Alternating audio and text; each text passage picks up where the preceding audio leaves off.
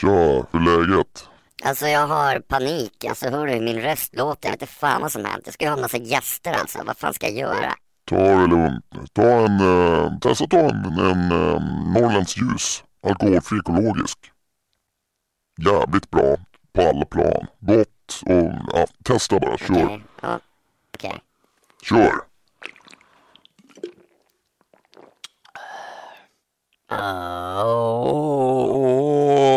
Shit vad grymt. Jag sa ju det. Fan vad skönt. Nu är jag ready for podding igen. Perfekt. Tack Norrlands ljus, alkoholfri, ekologisk. Fan vad mäktiga ni är. Ja, ni är mäktigast. Love you alltså. Och stort tack till Bond Magazine som är mediepartner, ni är också grymma. Denna torsdag så har jag Alexandrov Klum här på besök i Nordmark podd. Konstnärsduo, um, Iris Alexandrov Klum, konstnär, Mattias Alexander Klum, naturfotograf, naturfilmare. Ja, de är ju otroligt, otroligt mäktiga faktiskt. Och eh, det är, ehm, de är aktuella med en eh, föreställning på Konserthuset, Konserthuset i Stockholm den 11 april och den 13 april, torsdag och lördag. Tillsammans med Kungliga Filharmonikerna. Och den här föreställningen beskrivs som en multidimensionell performanceföreställning. Jag ska gå och se den och det ska ni med för att jag tror att det är en viktig föreställning och jag tror att den är fruktansvärt bra. Vi pratar såklart om den. Vi pratar också om rent vatten, nationalromantisk skildring, tillbaka in i våra kroppar, lekfullhet, superorganismer, berättelsen om människan och naturen, urkärnan, bygga det som vi är. Eh, den tillåtna inställningen etablerade termer mellan meningarna och mellan orden. Kärnan den går inte att nå, ute vid havet, stenhårda världen. Värderade fullt ut, en kreativ klåda, stanna tiden, förgänglighetsprincipen, besatthet, abstrakta mönster, den stora konfrontationen och det gemensamma kallet. Så sjukt mäktigt. Följ mig gärna på Instagram, Nordmarkpodd, vinner med något så mejlet in till info.nordmarkrecords.com. Jag svarar alltid. Vi kör!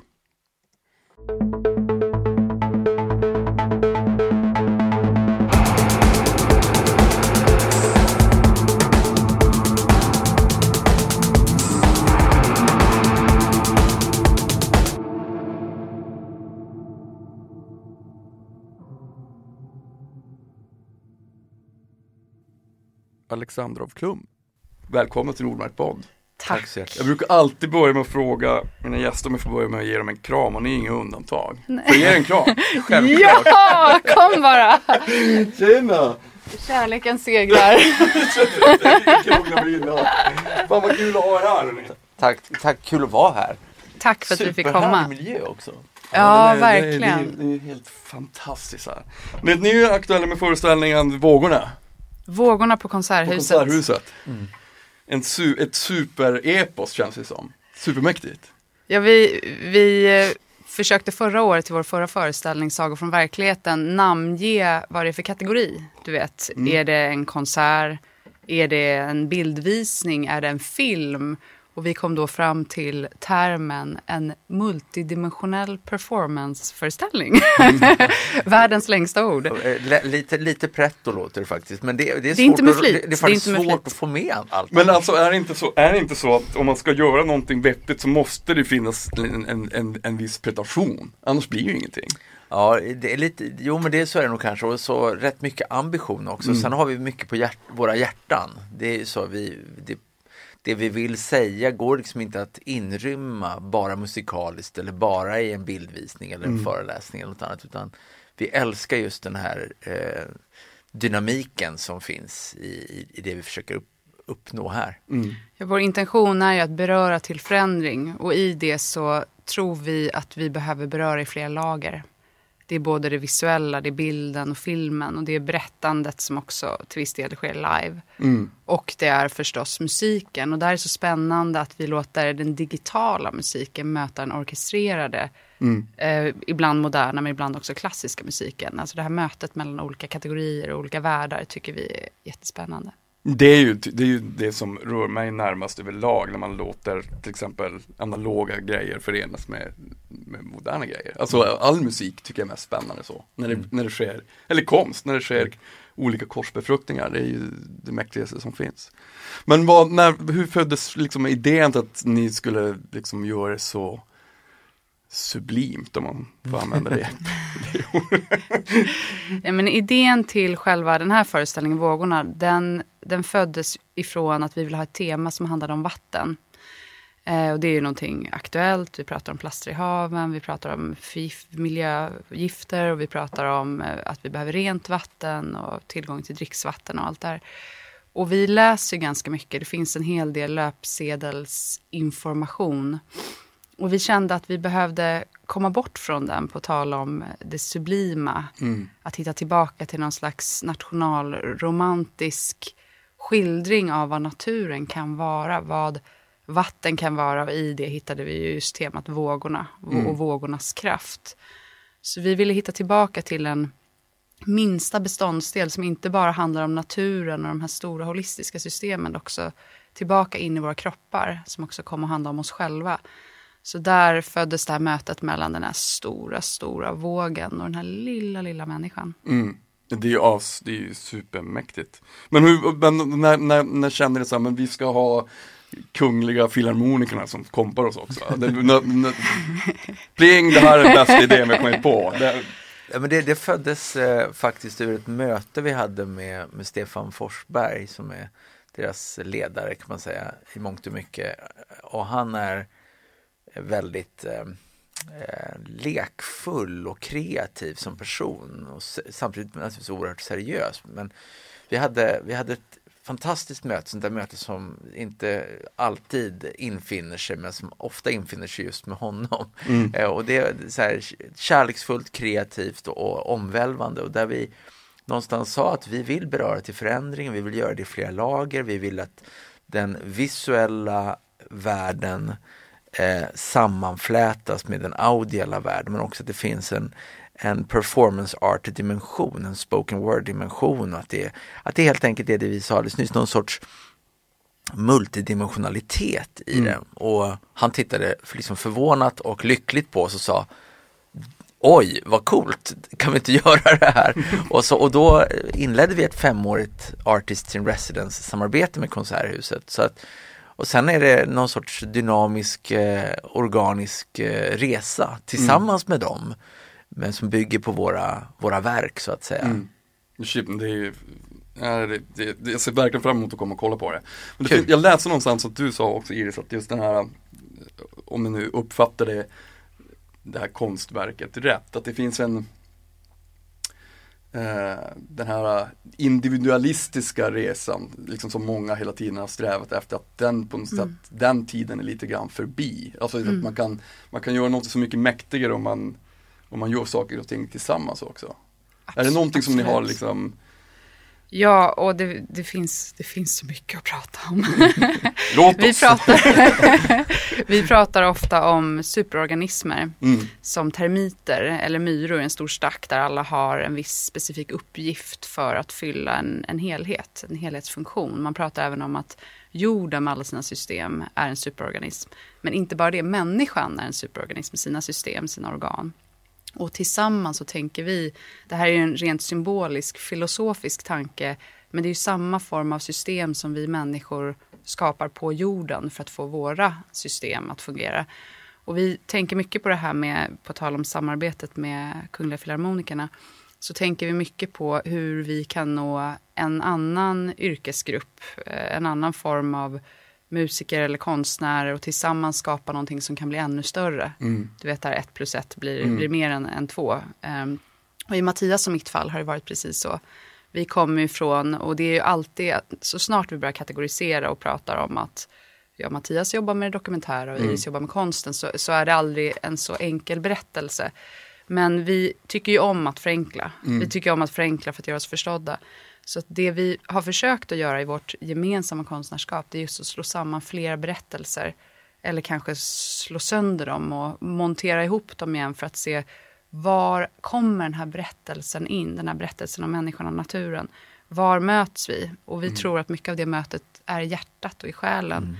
I en ren upplevelseform som vi idag behöver förhålla oss till med hjälp av forskning och och statistik och, och genom att titta på systemen som de ser ut idag. Men berättelsen behöver knyta an till någon slags urkärna, någon slags uressens av vad vi är.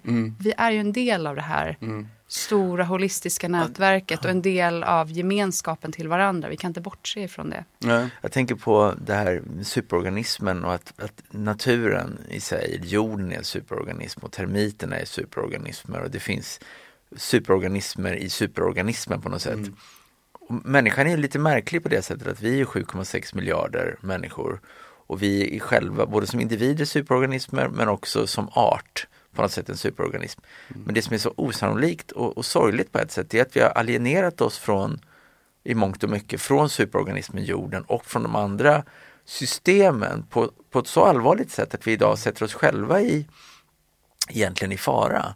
Och det, om det Alltså mycket av det vi gör i, i vår duo handlar ju om att beskriva det eller gestalta det eller någonstans skapa en vördnad för den här konnektiviteten mellan, inte- bara mellan människa och människa, för det är nog så viktigt, men också mellan människa och natur. Och jag älskar det, jag tänkte på det du sa Iris med, med eh, hur vår uppdelning eller våra, vårt bagage, där du är konstnär och jag har jobbat i den dokumentära sfären mest. Och hur du sa att vi slår sönder det och monterar ihop det igen och det, det har varit den lyckligaste kraschen i mitt liv, att slå sönder det som var jag. För att bygga ihop det som är vi. Jag, jag tycker det har varit en fantastisk resa. Men är inte det liksom en, alltså när man, när man inser sådana, när man kommer till sådana insikter att man hela tiden här, men okej, men livet handlar ju hela tiden om att man ska lära sig. Alltså det är samma sak när jag spelar trum, jag är trummis från början. Det är ju, man blir ju aldrig fullämnad, man kan ju alltid, men om man hela tiden har en en, en, ett, en barnslig inställning till vad livet är samtidigt, då kommer man ju alltid vara hungrig efter att greppa efter saker som man inte vet vad det är. Absolut, och det är, ju, det är ju precis det vi vill åt. Jag tror att alla hungrar efter det. Det är just att koppla bort den här individualistiska ådran vi nu har gött så länge av ego, av föreställningar om vem vi behöver vara och gå tillbaka till någon slags upplevelsestadium som ofta är kopplat till barn eller till, till någon slags enklare form av tillvaro som handlar bara om balans så att man upplever saker som de verkligen är. Och vi tror att den insikten, eh, att försöka balansera det här som vi arbetar med ute i världen, det är riktigt svåra. Det vi ser som är, inte är fungerande tillsammans med det här vackra och att försöka hitta en berättelse där det möts. Och i, i den här berättelsen infoga människan utan att lägga skuld på eller ha pekpinnar som berättar hur, hur vi borde vara utan mer försöka skapa en känsla av, av insikt av att vi är en del av det här och det berör mig. Det här är en del av mig och det, det berör mig på djupet. Men vad tror ni, alltså varför, om man går tillbaka till det här alltså att, att, att folk hela tiden på något sätt, som du sa, du kommer från konstvärlden och du är liksom dokumentärfotograf. Att folk hela tiden vill sätta en, en, en, en kategori på vad det är man gör. Alltså men det är ju varför ska man hela tiden förstå allting? Alltså man kan ju också, man kan ju också bara liksom sträva efter, som du sa också att, att det finns att man ska anamma det själsliga också. Jag menar, Det för är kanske mig- trygghetsramar på Ja, något men sätt. Det, alltså att man, såklart är det väl man det, men bygger- jag, för, för det själsliga för mig är ju världens obe... Alltså jag, jag, jag ser ju det i poesin och eller när, jag, eller när jag är ute i skogen. Mm. Ehm, jag tror också att folk, i, i, i kontrast till den här individualismen så strävar vi hela tiden efter att försöka förstå allting. Mm. Men man, vi, vi förstår ju inte allt. Nej, och det, man, ibland kan det ju vara bra att komma ihåg att det här är ju en form av eh, samhället så som det är strukturerat idag är ju en form av ekonomisk och politiskt ställningstagande och en struktur som har skapats utifrån en tid då det fanns ett behov av att till exempel låta individen styra.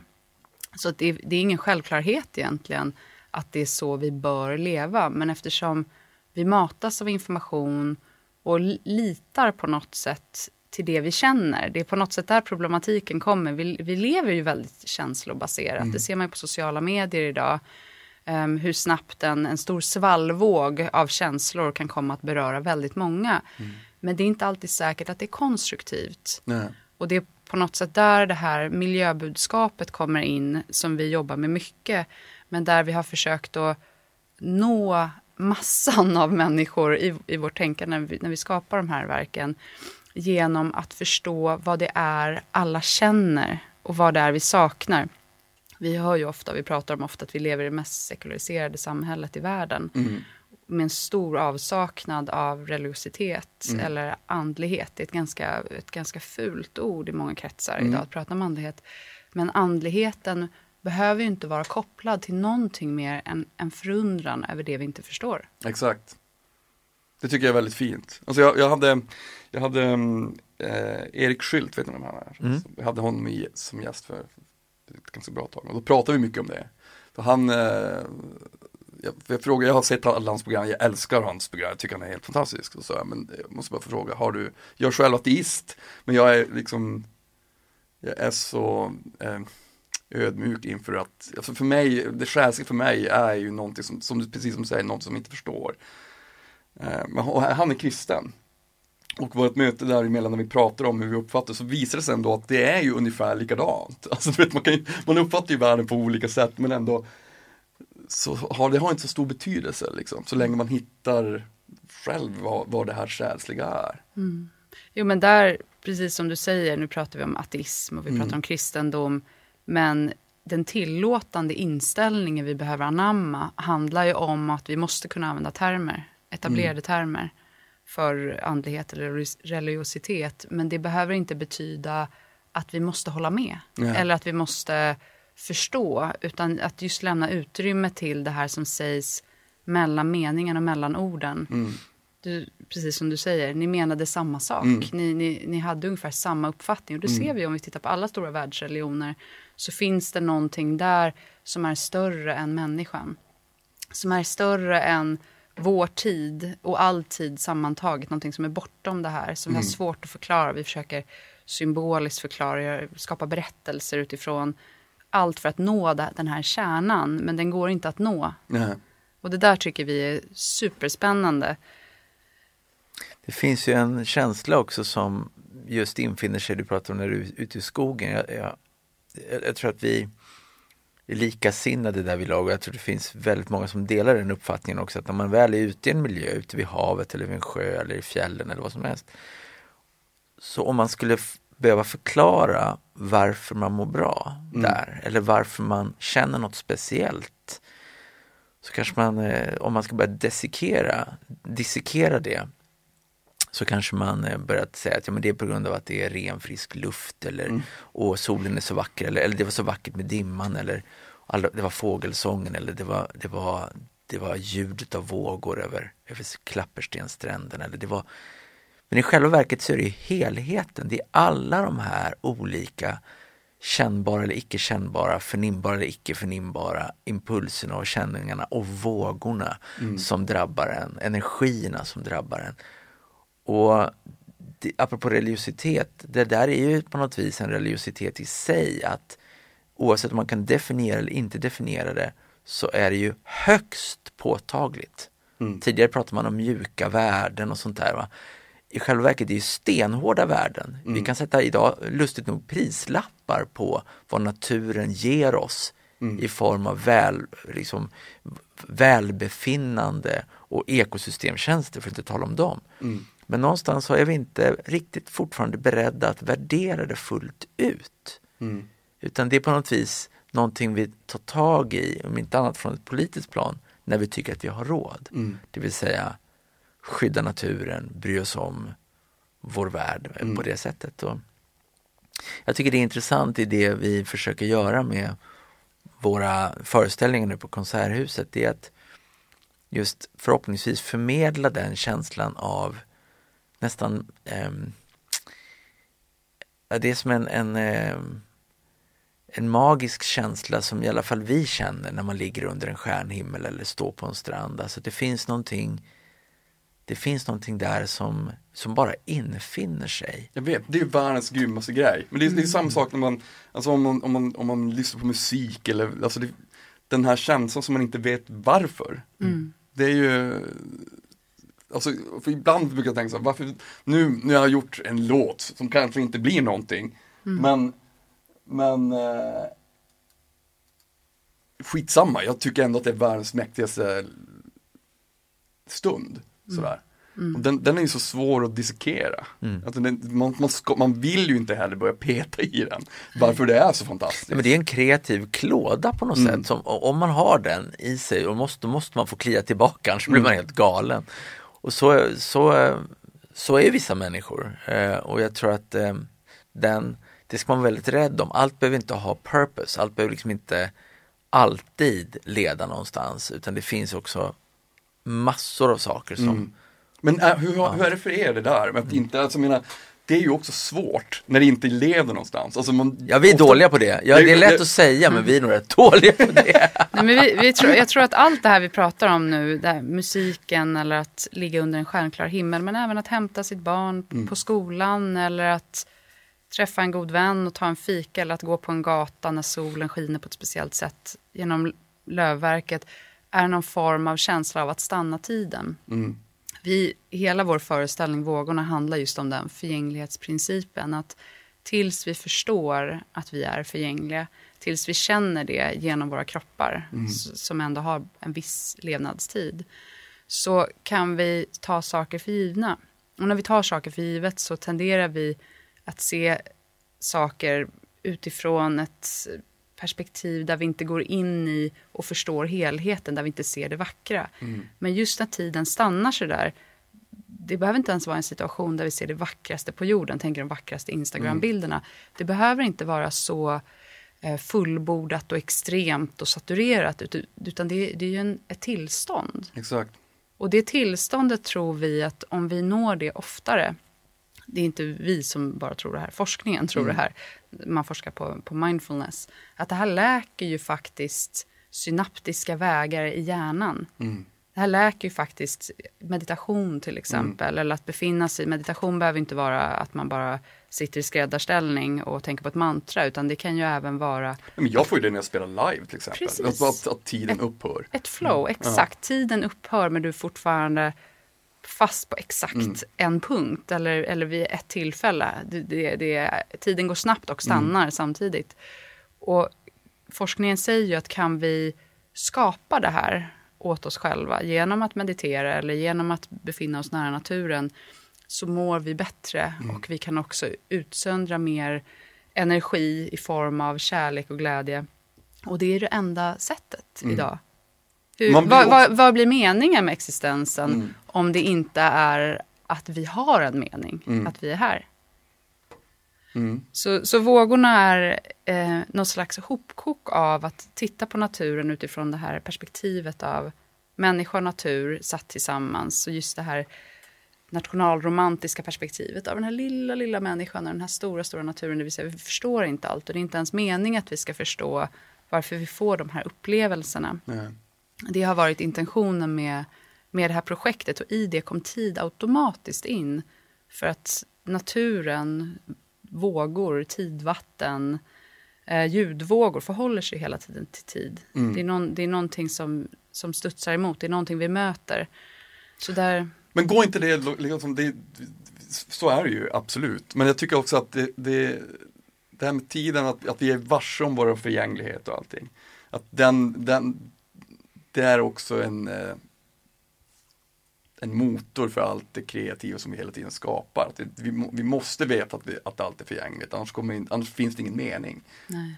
Men, men eh, Men det tror jag, när det gäller det kreativa, då kanske det infinner sig naturligt.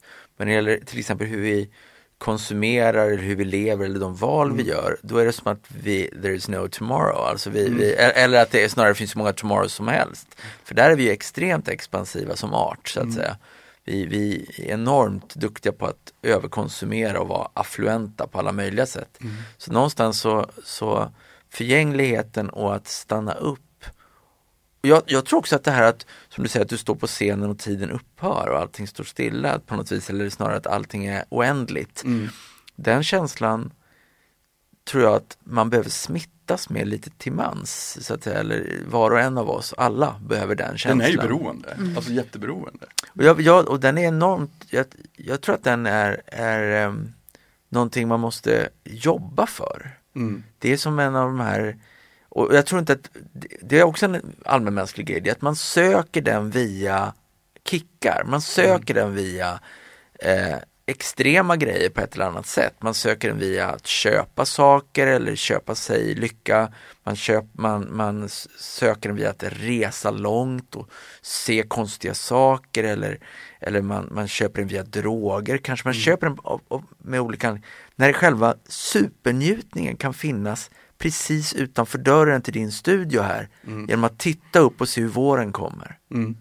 Det behöver inte vara mer än så och, den är, och det, det är det kanske det största av allt. Så någonstans att stanna upp och se det lilla i det stora, mm. hur barockt den låter. Det, det, det, det är ett recept. Ja, det är liksom så att, att, alltså, att, att ibland mår man ju bara så helt fantastiskt bra, man vet inte varför. Mm. Alltså när man jag träffar en vän eller när man gör vad som helst. Mm.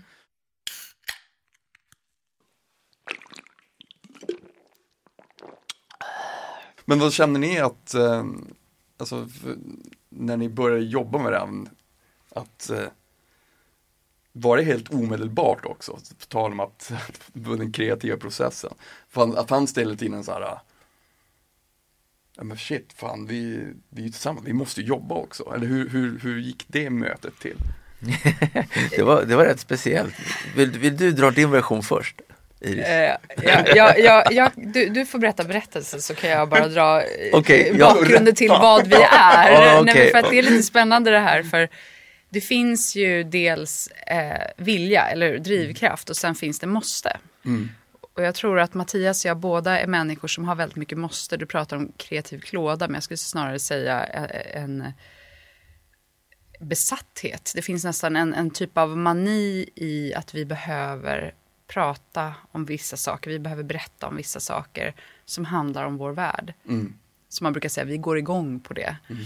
Eh, och för oss så är det just små saker i mötet med naturen. Jag menar, det kan på riktigt vara en liten grästuva som vi går igång på. För ljuset faller på ett visst sätt och det är en viss färg i den här grästuvan.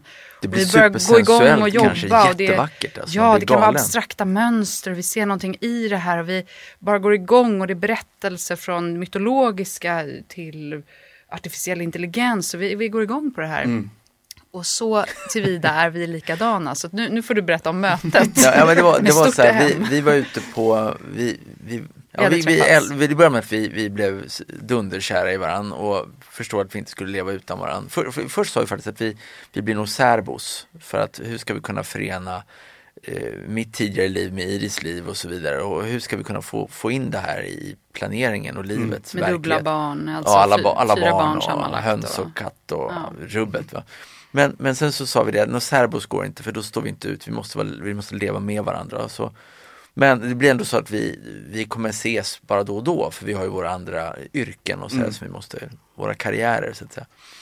Så märkte vi att nej, det kommer inte heller funka. Vi måste, vi, må, vi, måste, vi måste vara med varandra och då, då valde vi att starta en, en, en, dels också på grund av att vi kände att vi hade så mycket gemensamma beröringspunkter och kreativa, ska vi säga, overlaps. Alltså vi kompletterar varandra på så många sätt mm. att vi märkte att herregud det här är hur spännande som helst. Det blev en sån otrolig nytändning. Men så hade vi i alla fall ett, ett projekt som gjorde att vi var tvungna att resa till Hawaii. Och det, det, och vi var där och vi hade saker vi hade bestämt oss för att vi skulle göra. Och jag i min, med min dokumentära, liksom, eh, ska vi säga, ja, det, fostran kan vi kalla det, min dokumentära fostran. Jag tittar ut över landskapet som var regnigt och jag säger till Iris på ett hurtigt sätt eh, Nu så älskling, nu tar vi kameran och så går vi ut och jobbar. Och Iris tittar på mig frågande men kärleksfullt, men vad ska vi göra då? Och jag tänker, oj, eh, vad, hon fattar ingenting, vad har hänt? Va, och gud vad olycklig jag blir. Och, och, och tittar på henne som att hon förmodligen är dum i huvudet och då tittar hon på mig som att jag är dum i huvudet och så uppstår liksom den här stora konfrontationen, vår första konfrontation där hon säger, men vi måste ju veta vilken bild, vilken blick, vilken blick. Mm. varför är vi här? Och jag med min dokumentära, vi ser vad naturen ger oss, vi fångar det som händer och vi bygger därifrån. Och de här två världarna var så olika. Så jäkla olika. Så det, slutade med att, det slutade med att vi var rätt sura på varandra men så bestämde vi oss för att äh, nu går vi ut. Ja, nu, kör. Jag, jag, jag måste börja Ja, köra ja, ja. fortsättning för då sitter vi i alla fall där förbannade i bilen och det regnar och vi tänker att det här kommer inte gå. Det här kommer inte gå. Och då, och då tittar jag ut till slut och försöker då på ett förlåtande sätt säga men det är väldigt vackert här ute. Just och då det. fräser Mattias tillbaka.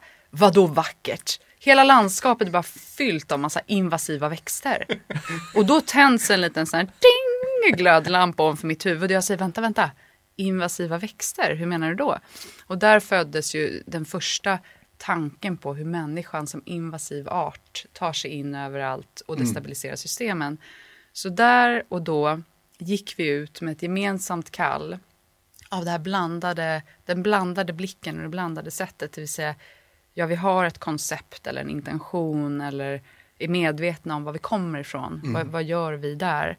Men vi kommer också att fånga det vi ser, alltså jobba helt eh, intuitivt kan man kalla det. Så så har vårt arbetssätt blivit på ett mer generellt plan. Nu finns det ju längre Och vi är inte kortare... lika förbannade längre. Nej. Men det finns väl, många har väl någon slags föreställning att om man jobbar ihop och sånt bara så är det alltid eller det är väl bara väldigt få som tror att det alltid går helt smärtfritt. Självklart finns- uppstår ju fiktion ibland. Liksom. Men hur, hur, hur löser ni det? det bara, men vänta nu, det, här, det där idén är inte bra. Vi måste, vem, Ja, men man kan, det finns två vägar, antingen så resonerar man om det eller så gör man som dvärgschimpansen att man löser allt med sex. Vi, vi, vi kör mix. Nej men det, jag vet, han är inte klok. Det var det här du klippte bort eller? nej, men, nej, men, nej men det är ju faktiskt så att man måste ta ett beslut. Det vill säga, är alla idéer goda idéer som ska behandlas? Eller om en verkligen tycker att nej men det här funkar inte. Betyder det att vi har någon slags veto? någon slags inre dem- demokrati? där idén då röstas ner. Och jag, jag tror att det ligger mer åt det hållet. Det, det kan ju vara så att har man ehm, en, en tydlig idé, en tydlig bild om hur någonting ska se ut, då kan man, ju- man har ju råd att kosta på sig att testa den ändå och se ifall det går Ja, men sen, sen har vi, vi kompletterar varandra på det sättet att du är konceptuellt väldigt skicklig tycker jag. Du, du ser saker utifrån en, en, eh, ett utzoomat perspektiv på där du som konstnär har en, en, en tycker jag, en fantastisk förmåga eh, att se det. Jag, jag är van att jag, jag har mina assets så att säga, där jag kan vara ganska snabb i själva momenten och jobba igenom saker. Och, så att jag tror att det vi tar med oss till bordet i, med våra bagage, så att säga, kre- kreativa bagage och erfarenheter gör att det, samman, det, det sammansatta eller det sammansmältningens resultat blir, blir en väldigt kreativ och rolig eh, och ganska explosiv ibland eh, mix som vi, i alla fall jag tycker är otroligt spännande. Inte alltid lätt alltså. Nej. Men, men, eh, och det beror ju my- mycket på ego. För att om man nu har jobbat länge och tycker att man vet liksom hur en slipsten ska dras och man är en jävla förträfflig person. Då, då är det svårt att lyssna på någon annan. Men jag, jag tror att man kan lära sig det. Det är världens svåraste grej. Alltså, att så fort jag har gjort en låt eller något, den, den första som hör det är alltid min, min flickvän. Jag skickar allt till henne så här, och eller om vi får någon annan idé om, om något annat så här. Och ibland är hon bara, ja ah, det är bra men inte tillräckligt bra. Vad- Vadå inte tillräckligt bra? Det blir svinbra. Jag menar att man har ibland svårt att ta kritik. Ja, också. absolut. Men har ni känt här båda två att ni har behövt eh, Men får jag bara avbryta, för tror inte du att det är för att vi är så resultatinriktade? Du pratade om den här låten du har gjort och du hade en så jäkla bra känsla när du gjorde det. Du blev lycklig av att bara tänka på den här. Men det betyder ju inte att den lyckan alltid går att översätta till någon annan. Nej. Ibland kan vi ju skapa saker som vi inte alls älskar på det sättet som en publik skulle kunna älska dem. För att de kanske är lättförklarliga för en större massa eller de, de slår an en viss typ av ton för en större massa människor. Medan ibland så skapar vi någonting för oss själva. Kanske för att, för att läka, för att komma i kontakt med den här källan. Så att allt behöver inte vara så resultatinriktat. Vi jobbar ju ofta utifrån drömmar. Där vi återskapar olika drömscenarios. Och det är ju inte säkert att det är någonting någon någonsin ser. Men vi tror så mycket på den här undermedvetna kraften, på, på de här mellanrummen, på det vi inte kan beskriva. Att vi vi tillåter de här idéerna att komma. Det är ingenting som är, är dumt eller överflödigt utan snarare att vi jobbar igenom mer. Vi försöker nå massor med olika perspektiv. När vi precis hade träffats där eh, och hade gjort den här resan till Hawaii så var det som att allt raserades. För att om vi nu inte är dokumentärfilmaren och fotografen och konstnären, ja vad är vi då? Är vi ens bara man och kvinna? Är, vi, är vi allt det här vi har tänkt oss att vi är? Och vi insåg att nej, vi är mycket, mycket mer. Vi kan vara mycket, mycket mer, men, men det innebär att vi måste våga vara sårbara, inte bara inför varandra. Jag tror att många i vår omgivning reagerade på att vi hade förändrats så otroligt mycket. De som inte var med oss varje del på vägen såg verkligen att vi gick från att vara några de kunde kategorisera och etikettera på olika sätt, inte, inte på ett um, taskigt sätt. Eh, Jag menar alltid välvilligt, men det var fortfarande så att vi gick från en punkt till att bli mer splittrade kanske. På det sättet. Jag tror duon har förän, för, förenat de här olika synsätten. Det är därför vi ändå fortfarande pratar om de här kategorierna. Vi slog samman människa och natur. Det dokumentära och det undermedvetna. Bara för att man ska förstå, jaha, det finns alla de här olika berättelserna, de här olika sidorna. Så att andra kan förstå oss. För det är det vi slutligen vill. Det är att bli förstådda.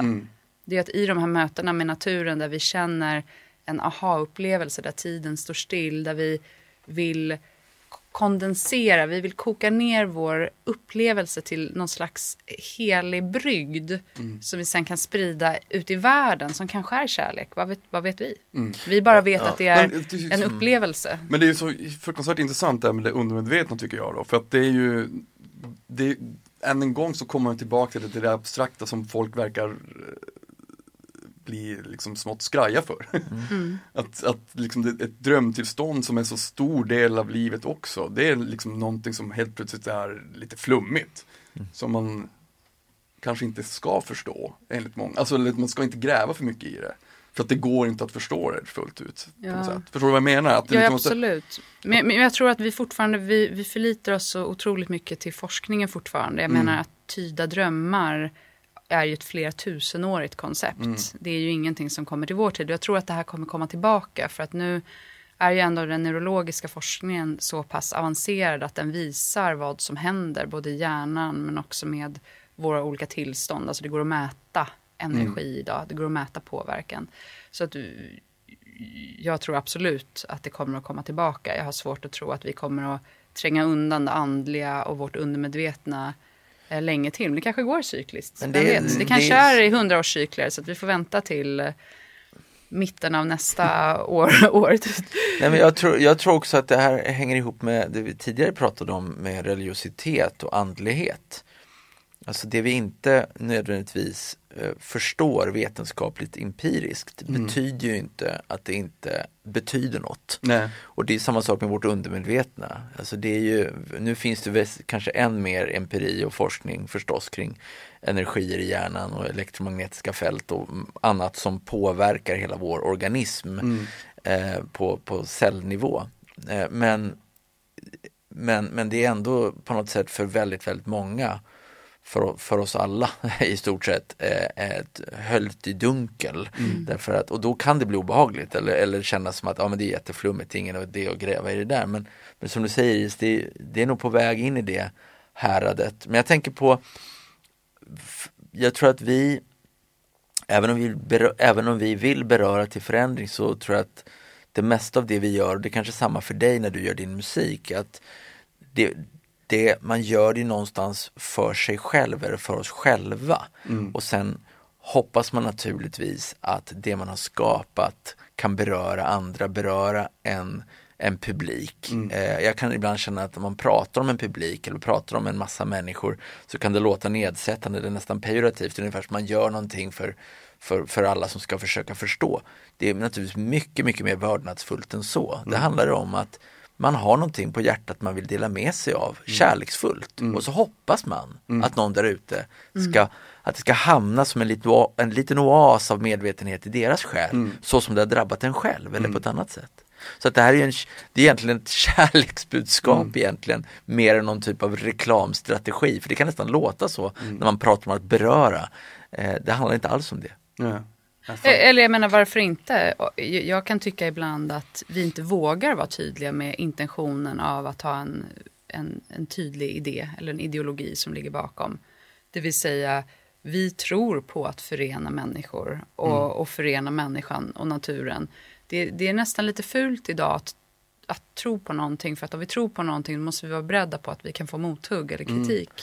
För Nej men det håller jag med om, jag bara menar Men- att det, men- man måste vara ödmjuk inför detta. Självklart. Vi, vi har man sån tur att man får eh, uttrycka sig, man har hittat ett verktyg och kan uttrycka sig på ett sätt och sen dessutom lär sig förhoppningsvis att stämma av mot ytterligare en person. Jag menar, vi använder ju hela tiden varandra som bollplank och där har man en första kontroll. Ja, Eller men en som första, du och din flickvän där. Ett första filter. Ja, den den omedelbara så. sågningen liksom. Precis. Ja, det, här, så- det, här, det här duger verkligen inte. Du får göra om det. Ja, och sen så har man ju sina barn och vänner och liksom nästa krets. Men sen så blir det ju också människor man kanske inte kan namnet på eller känner igen eller vet vad de har för bakgrund eller referenser.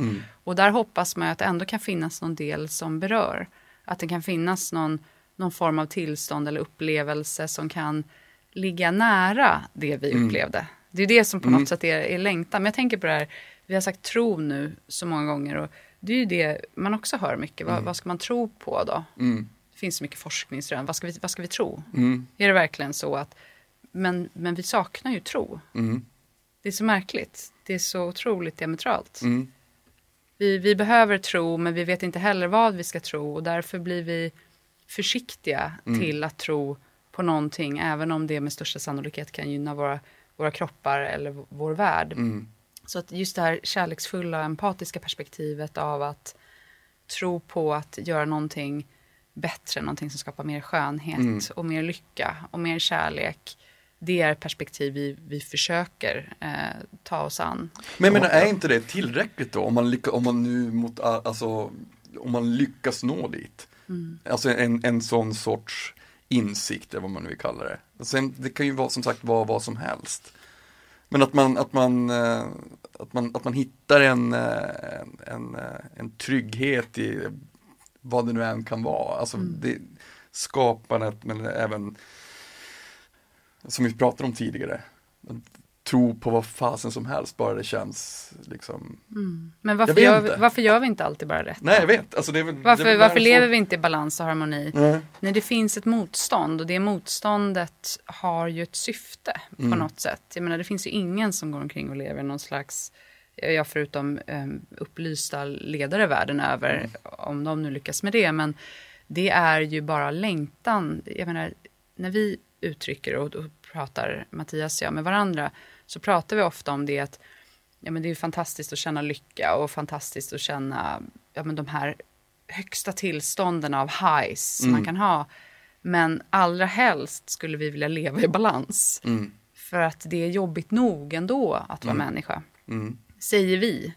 Jag menar, eh, i det här eh, vita medelklasssamhället som vi lever i här, säger vi. Men kanske för att det är svårt att nå den här vardagliga formen av bara, mm, it's good enough. Mm. Känns jag bra, bara, jag har- apropå good enough, ni har ju fått te och kaffe och min kaffekopp står där borta. och det är inte good enough alltså. Förlåt, jag, jag Ja, det, ni ska veta det, kära lyssnare, så att de där andra två, de sitter och bara smörjer kråset. Tack. Jaså? Ja, ja, men man, man får vad man förtjänar. Ja, ja, det är väl så. Det är kaffekarmalagarna. Ja, ja, jag förstår att det var en ett sån här, t- sån här prematur bestraffning. Men jag måste bara säga, apropå det här med, med lycka, jag tycker att när vi jobbar med besöker och interagerar med andra kulturer, andra alltså människor i, i andra delar av världen där, eh, där man kanske ser på livet på ett annat sätt. Eh, så tycker jag att det infinner sig den här känslan av, av ödmjukhet inför i, både inför livet men också den här förgänglighetskänslan. Jag, jag vet inte hur många gånger vi har suttit vid, vid lägereldar med människor som har utifrån det materiella vita medelklassperspektivet ingenting. De har ingenting. Mm. Alltså, de har, ja, ingenting. De har en, kan ha ett spjut och en machete och ett koger med giftpilar och de kan ha en liten, liten bomullstrasa som de har som ett litet, litet höftskynke och sen har de, sen har de sin skog. Mm. Så för dem, de har allt. De, de känner att de har allt. Men vi tycker att de inte har något. Vi kan till och med säga att de, det är synd om dem kan vi tycka. Inte vi, men om man nu ser det från ett Mm, ja, omvärldsperspektiv. Och jag tror att det är den här typen av eh, perspektiv som är så spännande att ta med sig och, och ta in. Eh, Att, ehm, och det, jag tror att i, vi, vi skyndar så snabbt i samhället att vi kanske tappar den här empatin eller den här förståelsen för, för oss själva och, och, och visavi andra människor så att säga. Men det är den här västerländska kulturens ehm, ständiga kamp att nå resultaten, att nå målen. Och på, på ett sätt kan jag känna när vi har den här typen av samtal att jag känner mig lurad. Mm. För att vi, vi pratar ofta i termer jag menar, som BNP eller andra forskningsstatistiska termer. Som att välfärd just grundar sig i de materiella ägodelarna, de materiella tillhörigheterna. Men vi vet ju att det inte är så basalt. Och det är ju att titta på det ur ett västerländskt perspektiv dessutom. Och vi, det, det, vi lever i ett så litet land uppe i norr. Men på något sätt så har vi baserat vår, vår syn på världen utifrån ett perspektiv som att det är väst som har ritat upp reglerna för, eller koncepten för ett fungerande liv. Och där, i, ibland så tänker jag när vi, när vi just träffar människor från andra kulturer, att det är så svårt att berätta berättelsen utifrån ett annat perspektiv. Till exempel pratar vi om naturen.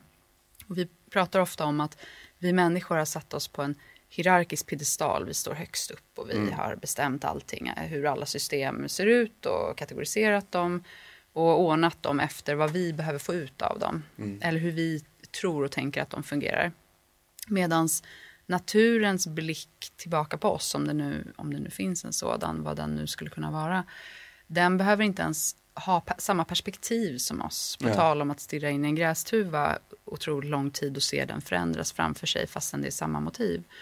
Så vårt försök, just när vi håller på med vågor och vi håller på med natur, det är ju att hitta ett perspektiv där vi både kan ha människans blick, inte bara idag eller för hundra år sedan, utan genom målningar, genom all typ av skildring som finns, men samtidigt också ett annat perspektiv där vi på något sätt befinner oss på platsen, den oföränderliga platsen för oss kan vi tycka. För vi står inte kvar där dag efter dag, natt och dag, årstid efter årstid och ser den här förändringen som ibland sker under väldigt, väldigt lång tid. Men vi har tack och lov verktygen till att skildra den här förändringen. Och det har varit så fascinerande att befinna sig, och det här kan ju låta banalt, men att befinna sig vid samma horisont i sex dygn. Och en horisont där det inte händer så mycket. Nej. Jag menar, det är en och annan skarv som, som flyger förbi och någon gång kommer en båt. Men det är liksom det. Men när man börjar se nyanserna i det här landskapet som förändras och förstår att vi krä- den här tiden krävdes. Det krävdes de här sex dagarna. Och det krävdes för oss de här verktygen av att kunna filma och kunna fotografera och kunna återskapa det här för att koka ner essensen. Det är på något sätt där vårt stannande av tiden kommer in. Vi vill försöka ta med oss den upplevelsen av att vi kände någonting mer. Vi förstod någonting mer, kanske om oss själva egentligen, mer än om naturen vi upplevde. Men det är ju asmäktigt. Alltså, alltså att, man, att man letar efter någonting och ändå på något sätt också hittar något slags svar. Även om man inte kanske alltid gör det. Ja, och kanske i sig själv. Ja, men precis. Kanske i sin egen blick och i sin egen upplevelse. Och då är ju tesen egentligen att vi måste försätta oss själva i de här tillstånden för att kunna ta in. Och teoretiskt sett borde vi kunna ta in allt hela tiden. En annan människa Mm. eller eh, träd eller eh, ett barn eller vad det nu än må vara. Jag kommer ihåg att jag lyssnade på en, på en intervju där en journalist hade frågat Dalai Lama, men hur, du, du är så otroligt omtyckt och man märker att journalister och personer som har varit och träffat dig blir så otroligt berörda. Vad tror du att det beror på? Frågade den här journalisten Dalai Lama och så säger han Ja, jag, jag vet inte vad det kan vara. Kanske är det så att varje gång jag träffar en ny människa så hälsar jag på dem som att de vore min närmsta vän. Mm. Och vad, vad är det då? Mm. Ni vet, det här som inte går att mäta. Vad är det? Jo, jo, men det måste ju vara någon form av öppenhet inför den andra och en form av liksom jag. Jag Mm. välkomnar dig. Mm. Som din varma kram här i början. ja, men det öppnar upp för ett, för ett samtal som är hjärtligt och där vi kan vara nära utan ett avstånd skapat av vad det nu skapas av. Mm. Ja, det är ju det är, verkligen. Det är ju superfint. Mm. Men eh, Iris och Mattias, nu har ni föreställningen 13 april, 11 april och 13 va? Ja, På stämmer. Konserthuset i Stockholm. Ja. Och sen är det, det, det blir en till också senare. Alltså av Eh. samma föreställning. Eh, nej, den, det, det sker även en, en så att säga en, en, till, en tillställning och en föreställning som är eh, Abonnerad. abonnerad. Mm, precis. okej. Så Så, det, att det är den sker innan de tre här. i Sverige nu. Exakt. Så. Men tanken är ju att den här föreställningen ska turnera. Mm. Sen i vilken form och om eh, vi försöker ju att på något sätt använda platsen så mycket som vi kan och den publiken vi har där. Och nu har vi det här temat med vatten och vågor. Så att om vi tar det här vidare i världen så får vi se hur det landar eftersom vi försöker jobba väldigt platsspecifikt efter, efter specifika platser där vi ändå har varit och jobbat. Så vi får se om vi eh, kan och lyckas och får ta det här vidare till kanske en annan stad i Sverige i vår eh, nästa förhoppning. Det hoppas jag. Jag ska, jag ska komma och kolla. Easy. Ja, ja, absolut. Jag, jag ser verkligen fram emot det. Men nu, nu är det klara. Nu Tack för att ni klara. var med i Nordmark Nu ska ni få en till kram. Av Dalai Lama. Fan vad mäktiga ni är. Tack snälla. Tack för att ni håller med. Stort tack till er Iris, Alexander Klum och Mattias Alexander Klum. Ni är ju helt underbara. Och eh, gå nu för guds skull och kolla på deras eh, multidimensionella performanceföreställning. Det kommer bli hur mäktigt som helst. Den 11, torsdagen den 11 april och lördagen den 11, 13 april. That's about it. Nästa vecka så är det Martin Fröst här på besök i Nordmarkpodden. Hur mäktigt? Vi hörs!